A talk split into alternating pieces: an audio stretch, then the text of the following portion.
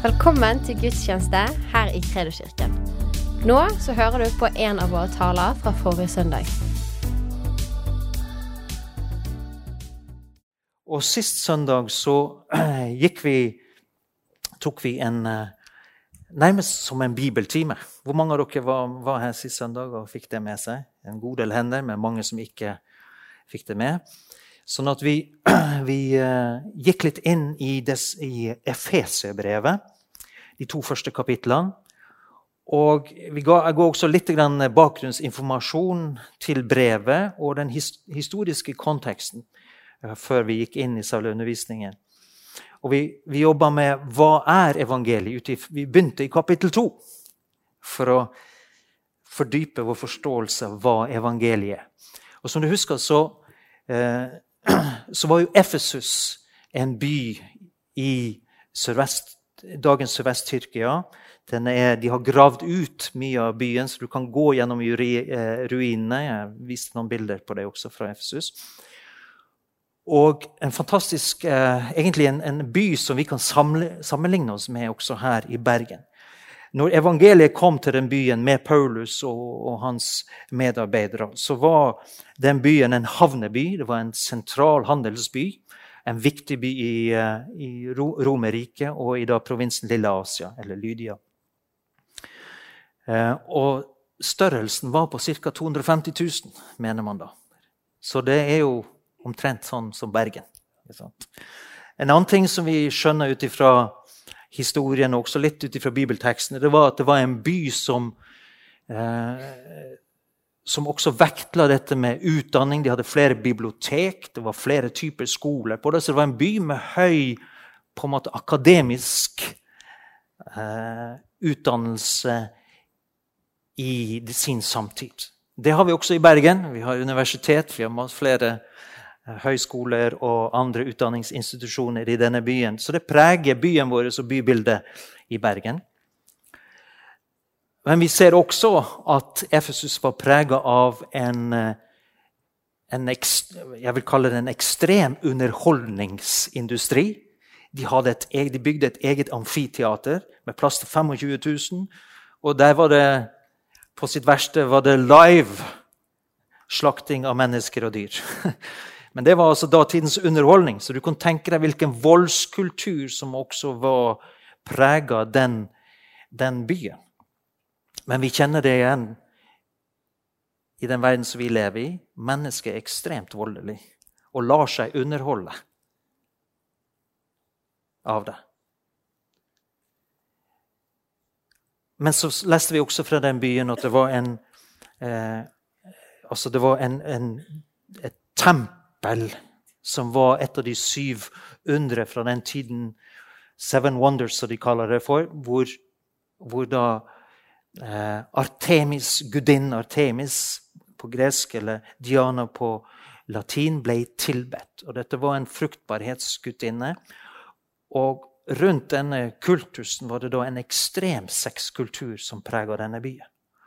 Og Forskerne mener det at det var ca. 1000 profesjonelle eh, prostituerte som på en måte jobba i forbindelse med denne gudsdyrkelsen. Og du kan tenke deg, og Det var masse typer trolldom, trollmenn, hekserier av alle mulige slag. Og inn i dette miljøet kommer Paulus og skal forkynne evangeliet. Så her er det purhedninger som aldri har hørt om Jesus. Her er det grekere her er det romere. Og så har du en kontingent med eh, jøder som bor der. Eh, og synagogen. Så vi ser at Paulus gikk til synagogen. da. Men så, så, så vi det i Efeserbrevet kapittel 2 at det var viktig Husk på, nå når han skriver, så sitter han i fengsel i Rom. Og han, han minner dem på hvordan han var nærmest tre år nesten tre år i Efesus, og han underviste dem og lærte dem. Dag og natt, sier han til de eldste i Efesus, har jeg formant dere, undervist dere om sannheten i Jesus Kristus, om evangeliet og hva det er for noe. Han sa det var så tøft til tider at jeg kjempa med ville dyr. Vi stukket til livet. Vi ante ikke hvordan vi skulle overleve. Så tøft var det. sier Paulus. Men evangeliet brøt igjennom i den byen. Og vi leser da i apostelgjerningene 50, nei, 19, unnskyld, eh, hvordan, hvordan, en skare med mennesker omvendte seg. Også de som drev med troll, trolldomskunster og all form for New Age. Og de brente bøkene sine. De brente store verdier på torget. Fordi at de omvendte seg til Jesus. Og Så kom det jo da sterk forfølgelse eh, i etterkant av det, fordi at eh, de som da levde av å lage eh, eh altså gjenstander knytta til tempelet Inntektene deres gikk jo ned fordi at evangeliet gikk fram, så de ble jo sinte. Og så anklager de Paulus og hans medarbeidere for, for dette her, og at de drev da og, og ødela for Efesus og businessen i byen. Så det blir opptøyer i dette amfiteatret, og etter det så står det at Paulus forlot den byen. Men de andre ble igjen. Og Vi vet fra historien at evangeliet fortsatte å vinne plass i den befolkningen, den byen. Så at noen hevder at opptil 100 000, altså nesten halvparten av byens befolkning, på et tidspunkt kom til tro. Og Paulus sier jo det at hele Asia altså, fikk da høre Herrens ord gjennom det som skjedde i denne byen.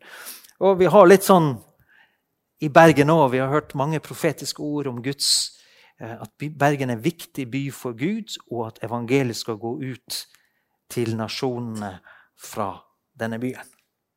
Amen. Det kommer ikke til å skje uten kamp. Det kommer ikke til å skje uten at vi virkelig sette oss inn i Skriftene og er ledet av Gud og skjønner hva evangeliet er. Og Vi ser når Paulus da skriver fra fengselet i Rom, hva er det han vektlegger, hva er det han begynner med. Husk, tro, De fleste av disse har vært troende bare i noen få år. De er helt nye kristne. De har ingen bakgrunn, sånn som mange av oss har.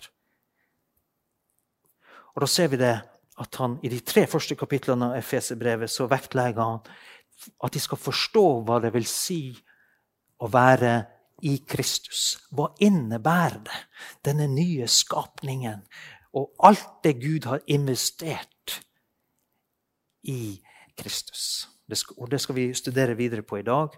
Men i kapittel to gjentar han for dem, Husk på, sa han, at dere var alle sammen levde dere som de hedningene som dere nå prøver å skal nå. Dere alle sammen levde sånn som dem. Dere holdt på med de samme greiene. Ikke glem det. For han visste det. Det er så snikende nært at nå når de var blitt frelst, de begynte få, livet begynte å forandre seg, ting begynte å bli annerledes, så var den egenrettferdigheten, den religiøse egenrettferdigheten, lå så snikende nært. Den er ligger så latent i kjøttet vårt. Så plutselig så havner vi der at vi begynner å bli litt stolte og tror det at vi, dette fortjener jeg. Jeg fortjener Guds favør, jeg fortjener Guds nåde. Se hva jeg har gjort, se hvor god jeg har vært, osv. Det er en fare. Og Derfor er Paulus bevisst, og han klipper det av med en gang. Altså, husk på, dere var alle sånn som de. Og dere var kontrollert av åndskreftene i luften, sier han. Alle sammen var dere under den innflytelsen. Og han inkluderer seg sjøl og sier vi var alle. Han sier ikke bare dere, han sier jeg også var en banditt. In, under innflytelse. Og han sier dere ble, dere ble lokka og dratt av deres eget kjød. Altså, når dere synda, sa han, eller når vi synda, så gjorde vi det av egen fri vilje. Fordi at vi ville det. Så vi kan verken skylde på noen andre, vi kan heller ikke skylde på djevelen, selv om vi har vært under hans innflytelse. Vi er ansvarlig for det vi har gjort. Men så sier han så har vi fått oppleve Guds store nåde i Kristus Jesus. Av tro. Til nåde er dere frelst. Det, det, er ikke deres eget verk, men det er Guds gave. For ingen skal rose seg innenfor Gud. Og så vektlegger han, bare gjentar det. Husk på det. Hvordan kom dere inn i Kristus? hva er døren inn til alle de fantastiske løftene som vi skal berøre i dag, i Kristus Jesus? Og Så minner han deg på, så husk på det. Det var ene og alene på grunn av det Jesus gjorde for dere på korset. Det er av at Jesus oppfylte loven i seg sjøl. Han brøt aldri Moseloven.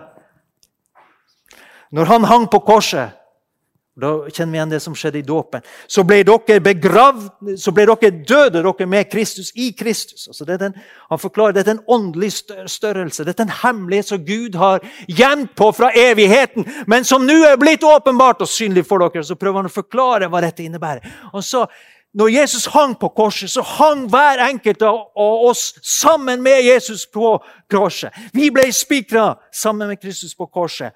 Vi døde med han. Og så sier han vi ble begravd sammen med Jesus, og så ble vi oppstått sammen med Kristus.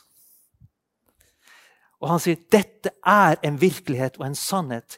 I det øyeblikket et menneske sier ja Jesus, jeg tror på deg. Jeg tror at du døde for meg. Jeg tror at du sto opp igjen ifra de døde. Jeg åpner mitt liv, mitt hjerte for deg i det øyeblikket. Av en gave, som en gave fra Gud, ene og alene fordi at Gud vil det, får vi frelsen. Får vi tilgivelse for syndene. Får vi en helt ny identitet.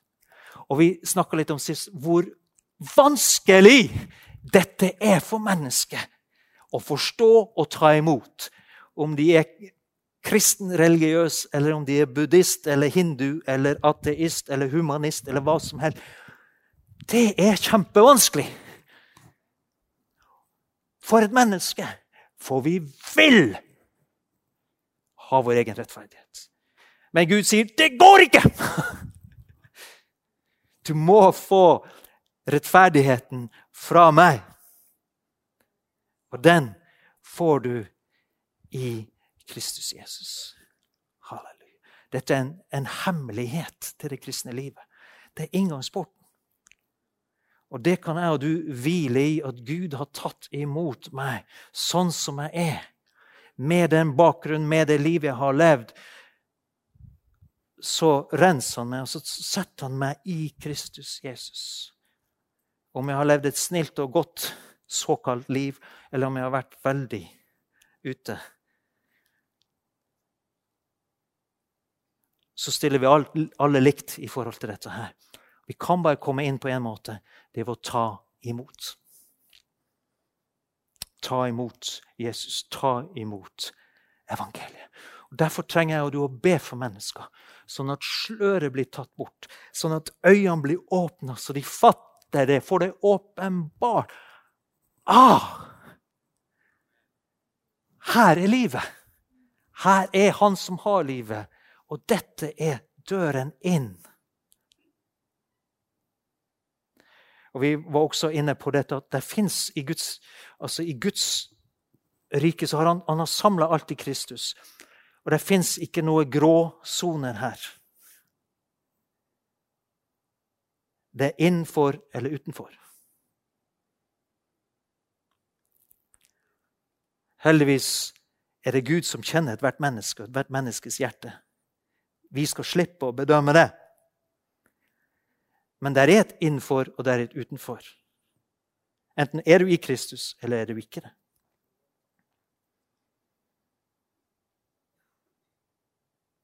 Men et, et mest ødelagt menneske, når det mennesket sier ja til Jesus, så blir det i Kristus. Og da begynner Gud for det første så renser han det i Jesu blod, det mennesket, og så begynner han den helbredelses- og forvandlingsprosessen som, eh, som har med hvordan vi lever, holdningene til hjertet vårt, hvordan vi tenker, hvordan vi oppfører oss. Alle disse tingene begynner han å jobbe med fra innsiden fordi vi nå er nye skapninger i Kristus Jesus. Men religion vil prøve å tvinge eller prøve å påvirke mennesket til å endre atferden, sånn at de kanskje kan bli akseptert og godtatt av Gud. Det funker ikke. Det blir til slaveri og egen rettferdighet. Og da sier Bibelen at det er en snublestein. Da snubler du. Da mister du eh, pointet. Men troen på Jesus er nøkkelen. Eh, og Da tenker jeg at vi går til Efeserbrevet kapittel 1. hvor vi begynne rett og slett i, i vers eh, ja, Vi kan lese bare fra vers 1. Det går bra. Så kan vi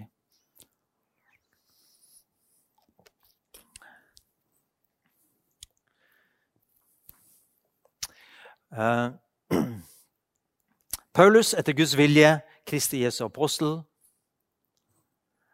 hilser de hellige i Efesus, de troende. Og så bare lag merke til dette her i Kristus Jesus. De troende i Kristus Jesus. Ok? Andre verset. Bare følg med. Eh, nåde være med dere og fred fra Gud, vår Far, og Herren Jesus Kristus. Og så kommer det 'Velsignet er Gud, vår Herre Jesu Kristi Far'. Og så kommer det 'Han som i Kristus har velsignet oss med all åndens velsignelse i himmelen'. Og Dette er jo en forunderlig måte å uttrykke seg på. Han skal velsigne oss med all ånds velsignelse i himmelen i Kristus. Vel, Det første vi skjønner, er at dette er Det, det er liksom en sånn derre Når du leser Bibelen så, og Nyttestamentet, så se etter det derre i Kristus-begrepet. For det hjelper deg å forstå hvem han skriver til, og hva han skriver om. Og så står det at han har velsigna oss med all åndens velsignelse i himmelen. Og uten at vi kan gå for dypt inn i det, så kan du forestille seg for deg hva fins i himmelen. Eller i himmelen fins den fullkomne glede til stede. I himmelen fins den fullkomne fred. Den fred som overgår all forstand, fins i himmelen. I himmelen så er det Guds rikes som råder på alle områder av eksistensen. Det fins ikke synd, det fins ikke mørke, det fins ikke en demonisk innflytelse. Det fins ikke sorg i himmelen. Og Derfor så sier han det at du, i Kristus Jesus så er du velsignet med det som fins i himmelen. Den, og, og, gleden som han snakker om her, vi har hatt forkynnelse om det tidligere, er ikke bare det å føle seg glad, eller en følelse av glede, men en substans. Det er en karaktertrekk ved Gud, ved Den hellige ånd. Og Den hellige ånd har himmelen i seg. Og når Den hellige ånd bor i meg og deg, så har vi ved Han i Kristus Jesus en himmelsk substans på innsiden så gjør det at jeg og du kan vandre i himmelens fred midt i en meget urolig og utfordrende verden. Det betyr at vi, vi kan vandre i en glede som holder oss oppe og gir oss styrke midt gjennom sorg og prøvelse. Så det er ikke noe fake glede, men det er en dyp substans som gleder seg over at vi er nye skapninger i Kristus Jesus. Som vet hvordan alt vil ende. Om jeg sørger nå, så vet jeg hvordan det kommer til å slutte. Jeg vet hvem som vinner til slutt. Jeg vet hvem som har overvunnet døden, og jeg vet hvem som kommer til å kaste døden og dødsriket i helvetes ild. Hans navn er Jesus Kristus. Og jeg takker deg for at du er konge Jesus, du er universets herre, og du kommer igjen, og du fullfører det du har påbegynt. Det er bare et tidsspørsmål. Og det kan vi glede oss over. Derfor sier Bibelen ikke sørg som de vantro, ikke sørg som denne verdens barn. Når du sørger, så sørg. Gråt over savnet, over den du, det mennesket som du var så glad over, eller det som du tapte eller du mistet. Sørg over det, for vi trenger å sørge. Men ikke sånn som denne verden. Hent. La Den hellige ånd være din trøster. Og la Hans, Den hellige ånds glede få gi oss ny bensin, nytt mot, ny styrke, så vi kan gå videre. Amen. Og så kunne vi ha spunnet videre på dette. Men fins det noe sykdom og plager i himmelen? Nei, i Kristus Jesus gjør det ikke det. Så her fins det noen hemmeligheter, noen nøkler som du kan liksom uh, hente ut, så vi kan bli kjent med. Og Derfor er det privilegiet at jeg og du kan bli kjent med Gud og alt Han har gitt oss i Kristus Jesus. Amen. Og det er spennende. For da er vi på skattejakt. Da er det ikke noe vi prøver på om kanskje jeg skal klare å få. Nei, men da er vi å lete og søke Gud og finne ut alt det som han har tilrettelagt for oss. Det er mye mer spennende. Og så ser du her Dette også er jo underlig hvordan Paulus formulerer seg, men han sier i Kristus utvalgte han oss før verdens grunnvoll ble lagt. Det er lenge siden. Er det noen som levde da? Før skapelsen. Så utvalgte han meg og deg i Kristus Jesus. Er ikke det godt å vite det at Gud sa 'Jeg vil ha deg'? Det er ikke sånn at han, du trenger deg på Gud. Nei, han vil ha deg. Det er farshjertet til Gud. Han ønsker. Det står at han vil at alle mennesker skal komme til tro og sannhetens erkjennelse. Det er Guds vilje. Til å stå for hans ansikt hellige og uten feil i kjærlighet. Altså, dette er Guds vilje. Gud har ikke behag i å anklage eller å dømme. Dommen, den endelige dommen faller over de som nekter Jesus Kristus. Men det er ikke sånn at Gud har behag i det. Men den, det er en konsekvens av at en forkaster Guds frelsesverk. Da kommer det dom over mennesket. Men Gud har utvalgt oss i Kristus Jesus til å stå innenfor hans ansikt. Altså være nær han, se han, kjenne han. Og være uten feil, altså være hellige uten feil faktisk være så fri at du Og faktisk være feilfri. Når jeg og du tenker på oss sjøl, så vender vi tankene våre veldig fort til hvordan ting skulle vært annerledes. eller Det skulle vært litt bedre, eller det skulle vært litt mer tålmodig, eller det skulle vært sånn og sånn. Men Guds plan, Guds vilje, et folk fins ingen anklage, det fins ingen skygge, ingen, ingenting å peke fingeren på. Det er Guds velbehag. Eh, så, så kan man jo spørre hva betyr det at han har utvalgt oss før verdens grunnvoll? Og jeg tror kanskje nøkkelen ligger i dette ordet 'i Kristus'. Så Gud har gjort tilgjengelig frelsen for alle mennesker i Kristus Jesus. Og det bestemte han før grunnvollen av skapelsen. At sånn skal det være. Eh, det var jo en veldig debatt tidlig i kirkas historie. Det var Helt på begynnelsen av 400-tallet så var det en voldsom debatt om Augustin, som da eh, la veldig vekt på Guds nåde, at vi er frelst av nåde. Og det var jo riktig og at vi hadde ingenting. Altså, For at et menneske skal kunne bli frelst, så var det Gud som måtte frelse det mennesket ved nåde. Og det er også riktig. Eh, men han gikk på en måte så langt i den tankerekken at han, sa, han gikk inn i noe som heter eh, dobbel forutbestemmelse. Altså, han hevda det at, at, Gud har utvalgt noen mennesker til å bli frelst. Og så har han utvalgt noen mennesker til å gå fortapt. Det var hans konklusjon. Fordi det er umulig, han sa, det er umulig å stå imot Guds nåde. Så det betyr da at da er det noen som Gud har valgt, og så er det noen som Gud har ikke valgt.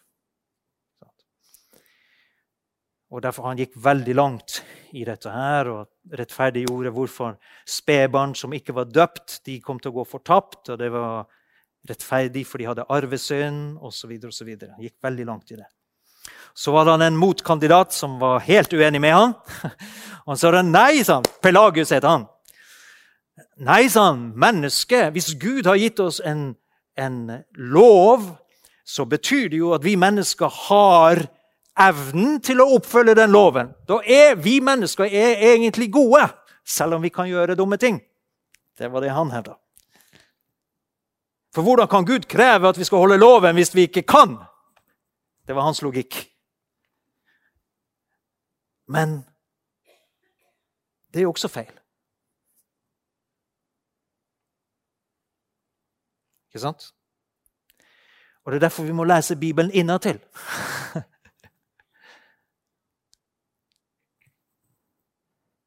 Hva sier Johannes evangeliet, kapittel 1, vers 12? Hva? Alle dem som tok imot ham, dem ga han rett til å bli Guds barn. De som tror på hans navn. Så vi er alle utvalgt du er utvalgt av Gud.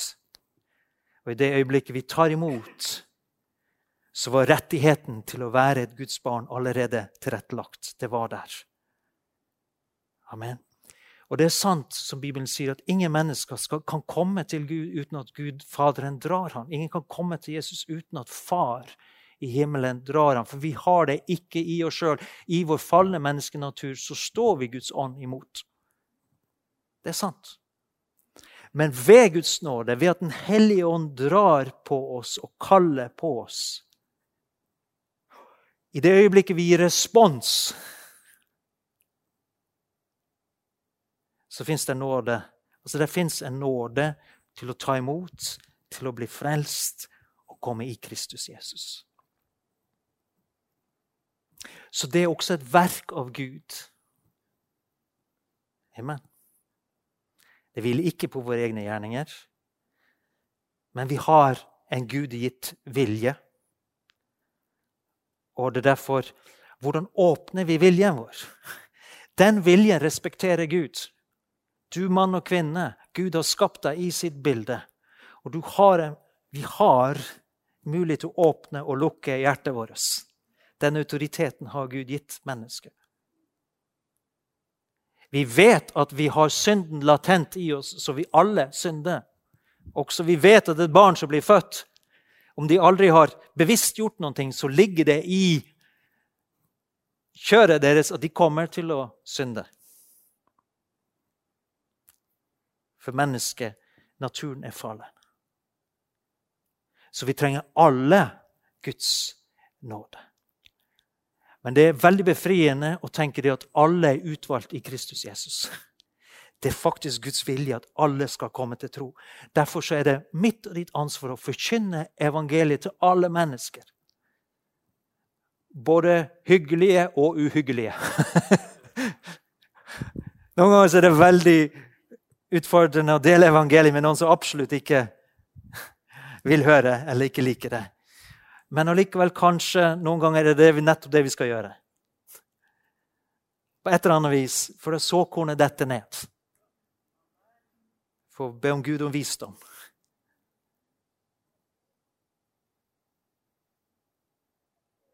Jeg tenker på, jeg hørte nettopp om ei dame på 99 år som hadde fått muligheten til å høre evangeliet, men var så veldig avvisende. 99 år, du skal snart dø, menneske. Men så våkna jeg opp i morges. Så tenkte jeg på denne dama. Nei, jeg godtar ikke at hun avviste evangeliet. Jeg skal be om at hun får en ny sjanse. Herre, åpne hennes hjerte. Hjelp henne til å åpne øynene og hjertet og lese den lille heftet om evangeliet som hun har fått i sine hender. Få henne til å lese det, Herre.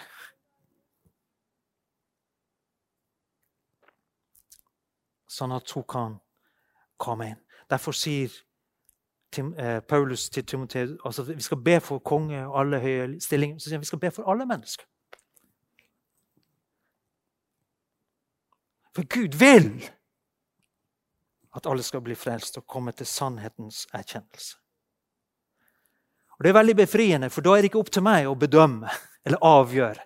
Den er det, den er utenfor, den er innenfor.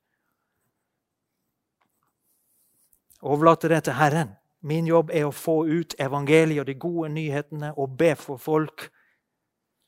Og tro Gud. For at mennesker skal komme til tro. Og jeg tenkte vi, jeg og Olav vi snakka om her en tid tilbake om han Peter Pretorius. Han er jo døende, men hvordan han skriver i boka si at han gikk, han gikk og forkynte evangeliet i fengselet. og var, Han gikk jeg tror det var et halvt års tid. Han gikk liksom uke etter uke. Det var ingen som ga respons. Det var ingen som viste noe tegn til at de ville bli de troende. Og så søkte han Gud og ba Gud. Hva, hva er det Hva er det som mangler? Hva er det som er som gjør at det ikke skjer noe. Og da hadde han fått tilbakemelding fra henne om at du må tro meg. For at de skal bli frelst. Og da gjorde han et bevisst valg. Herre, jeg nå stoler på at du gjør noe. Du åpner disse fangene sine hjerter og øyne, så de tar imot. Og da opplevde han et en total forandring. da, Så neste gang han gikk dit, så var det 300 av dem som ga respons på evangeliet. Og han måtte liksom gjenta flere ganger for dem for å være sikker på at de skjønte hva han sa. Så jeg, hør her! Nå er det dette du sier ja til! Skjønner du hva du sier ja til? Han måtte flere ganger liksom gjenta for dem, så han var sikker på at de fatta hva det vi ga respons på. Nå var det 300. Så her er det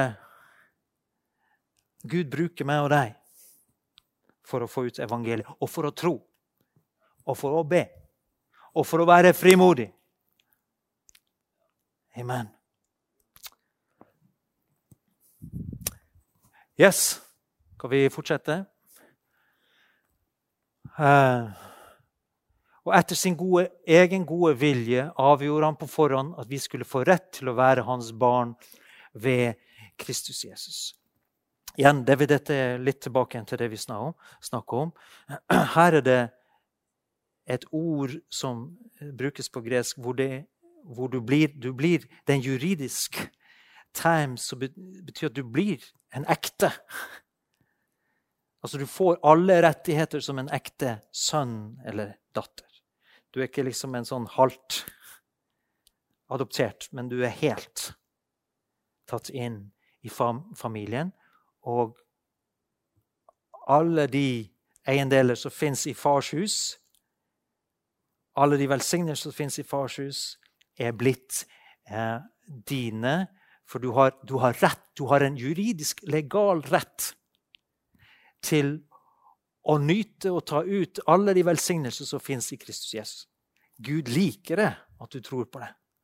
Han liker at du forventer at de godene som fins der, at vi nyttiggjør oss av det. Og det, Dette var noe som Gud ville, som han planla fra, fra evigheten av. At jeg og du skulle få oppleve. Wow. Jeg er en god far. Planlagt gaver for oss. Ja tar vi videre. Til lov og pris for Hans herlighet og nåde, som Han overøste oss i ham. Og her ser du igjen dette uttrykket 'i ham', som Han elsker så høyt. Og igjen så bruker han uttrykk som 'overøste'. altså Det er ikke noe begrensning i denne i Kristus Jesus, i denne velsignelsen og den nåden. Det er ubegrenset. Alt det vi trenger, og mer enn det, er tilgjengelig. Vers 7. Og så står det at 'i ham' Igjen, ser du dette uttrykket? I ham har vi friheten, kjøpt med hans blod, tilgivelse for syndene. Så rik er Guds nåde. I andre oversettelser så er det sagt oversett denne friheten er oversatt med 'forløsningen'. Eh, og i dette ordet på grunnteksten ligger det at, at man er en slave, og denne slaven blir satt fri. Altså, en sum blir betalt for denne slaven, og slaven blir satt fullkomment fri. Kjettingen rundt halsen blir klippet av. Lenkene rundt hendene og føttene blir klippet av. Og dette mennesket blir forløst. Eller satt fri. Forløst, satt fri fra synd. Hvordan er dette her? Satt fri fra synd?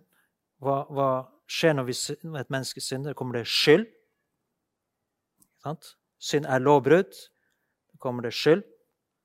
Og når et menneske kommer under skyld, hva kommer da? Da kommer skammen over å være skyldig. Så kommer fordømmelsen. Så alle disse tingene henger sammen. Men i forløsningen så har Jesus klippet av den kjedereaksjonen ved å sone all synd.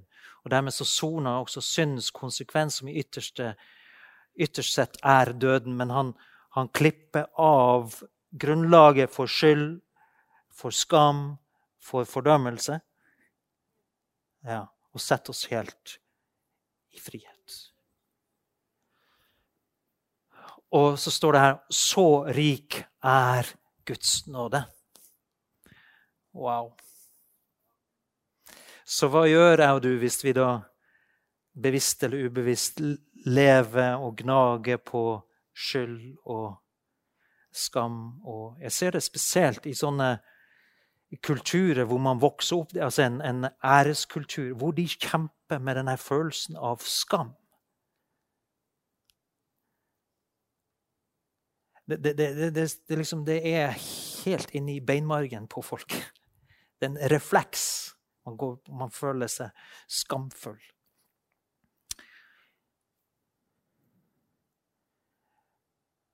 Men Jesus setter i frihet fra skam. Så hva gjør vi hvis vi kjemper med den typen følelser? Jo, når vi har bekjent våre synder, vi har omvendt oss fra det som er galt, Stikk hodet inn i Kristus og undersøk nærmere. Hva, hvordan var nå det her? Neimen, nei, hvorfor i all verden går jeg rundt og henger med huet nå? Det stemmer jo ikke med det som står i Kristus. Ja, og, og, så må man på en måte ta til fange de tankene, ta til fange de følelsene og innse at det der stemmer ikke med sannheten. Og så reiser vi oss opp og så sier vi, 'Bort, vekk. Jeg har, jeg har Jesu blod er kraftfull nok for meg.' Det virker for meg som det virker for alle som påkaller Jesu navn.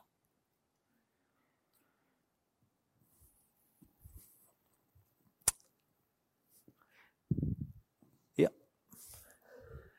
Skal vi ta vers 8? Ja, som han har latt strømme over oss med all visdom og forstand. Og dette er ordene som brukes her om visdom og forstand. Eh, de er tilnærmet synonymer, da. Men det er en, en visdom som er både eh, åndelig teologisk, men den er også praktisk. Altså visdom til å gjøre rett ting til rett tid, på rett måte osv. Så det, det er ikke begrensa liksom, til en filosofisk visdom å forstå hvordan ting henger sammen, men det er også en visdom til Ok, åssen gjør vi det? Og nå gjør vi det. Ja. Da han kunngjorde for oss sin viljes mysterium, det han gjerne ville gjøre Det han gjerne ville gjøre i ham. Her har du det igjen. Dette ville Gud veldig gjerne gjøre. Dette er Guds gullegg. Dette er det han har planlagt fra evigheten av, før skapelsen av Gud sittet. Og det står at han hadde eh, en oversettelse sier at han hadde råd med seg sjøl. Han bestemte av sin egen frivillige, for Gud hadde lyst. Dette har jeg lyst til! og så var Faderen, Sønn og Den hellige ånd, så hadde de rådslagning. Og så sier dette er en fullkommen plan. Han ville fullføre sitt, sin frelsesplan i tidens fylde og sammenfalt alt i Kristus, alt i himmel og på jord i ham. Jeg vet ikke hvordan det er med deg, men det, dette snakker veldig til meg. Det gir meg motivasjon, for da skjønner jeg at mitt liv er ikke en øde øy, men er en del av en gedigen plan.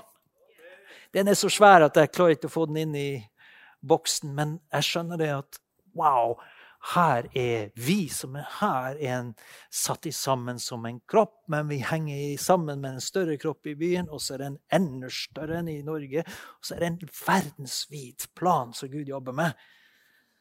Og Jeg, jeg syns det er så vanvittig spennende. Disse koronatidene har jo pressa oss til å tenke nytt. og prøve nye ting. Og så nå Denne uka her var jeg oppe klokka sju på torsdagen og oppe klokka sju på fredagsmorgen for å undervise elever i India.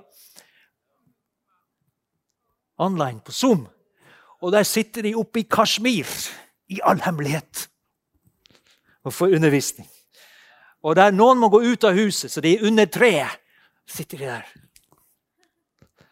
Det er fantastisk. Wow! Hvilken verden vi lever i. Men de, vi er kobla sammen i Kristus Jesus. Og det er til og med det som er i himmelen, og det som er på jorden, er I Kristus er det kobla sammen. Og Gud kommer til å sammenfatte alt dette her i Kristus. Så min og din jobb er, mens vi er her på jorden, måk folk inn i Kristus. Spar dem inn. Gjør alt du kan. Og så, vokse, og så, jobber vi med modenhet og vokse til i Kristus Jesus. Det er jobben vår.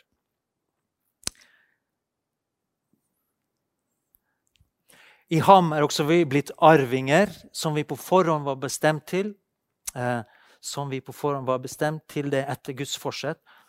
Han som gjennomfører alt etter sin egen plan og vilje.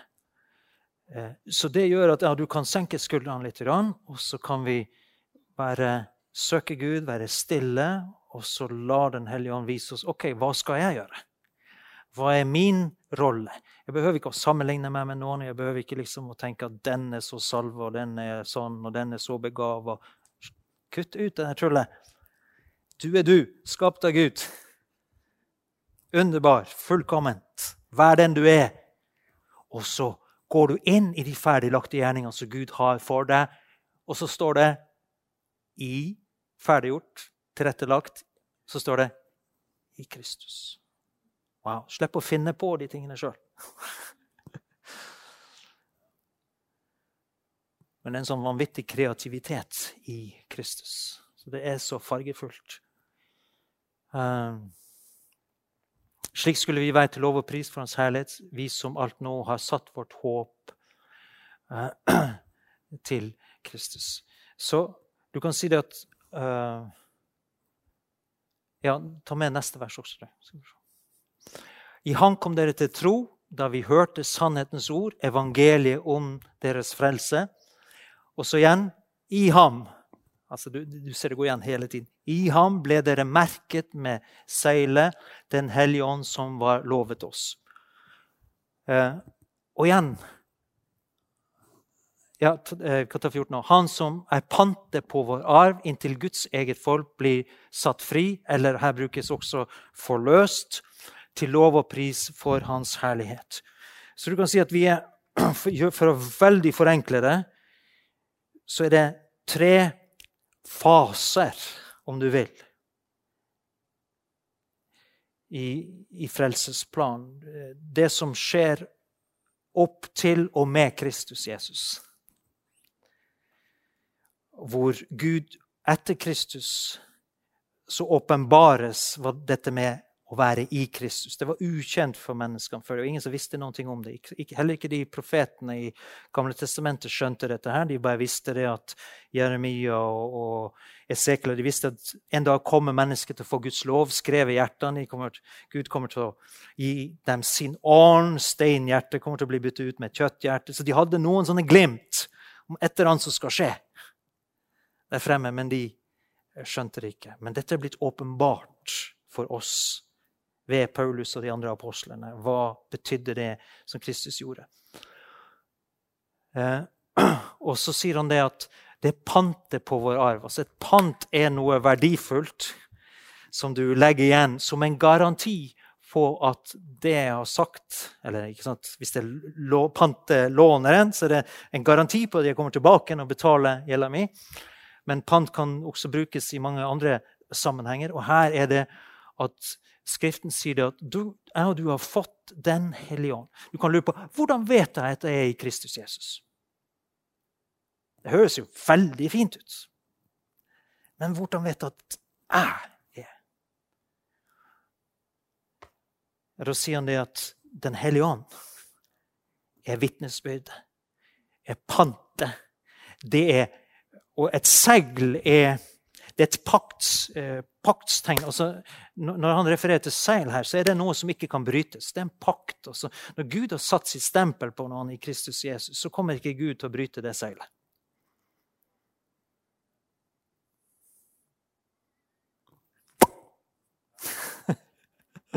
Eller kanskje det her. Ikke vet jeg. I Kristus. Det står i panna di.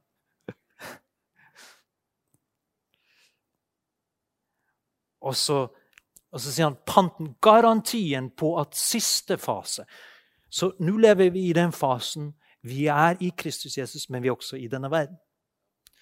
Og vi har en jobb å gjøre. Og det er ikke sagt at den jobben er så lett. Vi har Gud med oss, vi har Guds kraft med oss, men vi har også fighter med vårt eget kjør, og vi fighter med ondskapen inni den verden. Og så lenge vi er her, er det krig en fred i hjertet, men det er krig på menneskers liv.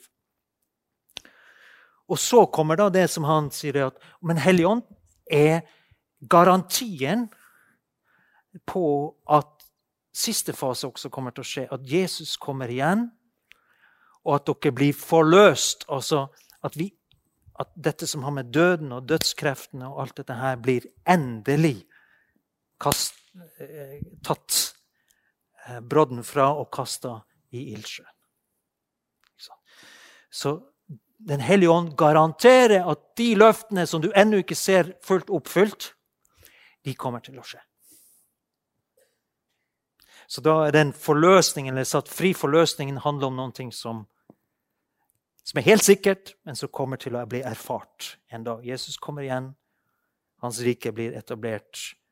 Det kommer en ny himmel og en ny jord er ganske bra greier. Hæ? Alt det vi trenger for å leve her og nå. Og så en sånn belønning der framme. Arve alt sammen med Jesus Kristus, storebroren vår. Alt det han har, det får vi arve sammen med han. Oi, oi, oi. Kommer til å hele, trenge hele evigheten for å nyte godt av det så skal vi slutte der. Men jeg tenker at kanskje du er her til stede nå, og, og dette som jeg har forkynt, jeg var kanskje Det kan være for noen så var dette litt nytt. Ok, jeg, jeg tror, Kanskje du tror på Jesus. Du har hatt en, vokst opp med en, en tro på Jesus, men du har ikke helt skjønt dette her. Du har liksom bare tenkt at du var en kristen fordi at du er ble døpt sant, som barn, og du, Du har blitt oppdratt i en kristen hjem. Også. Men Bibelen tar det et steg lenger og sier du må ta imot personlig. Det er et personlig valg. Det er ikke noen andre som kan velge det for deg. Det er du som velger. Du tar imot Kristus Jesus. Amen. Så det er foreslår at vi ber en bønn sammen. Tusen takk for at du lyttet. Følg oss gjerne på Instagram og Facebook, og så snakkes vi neste uke.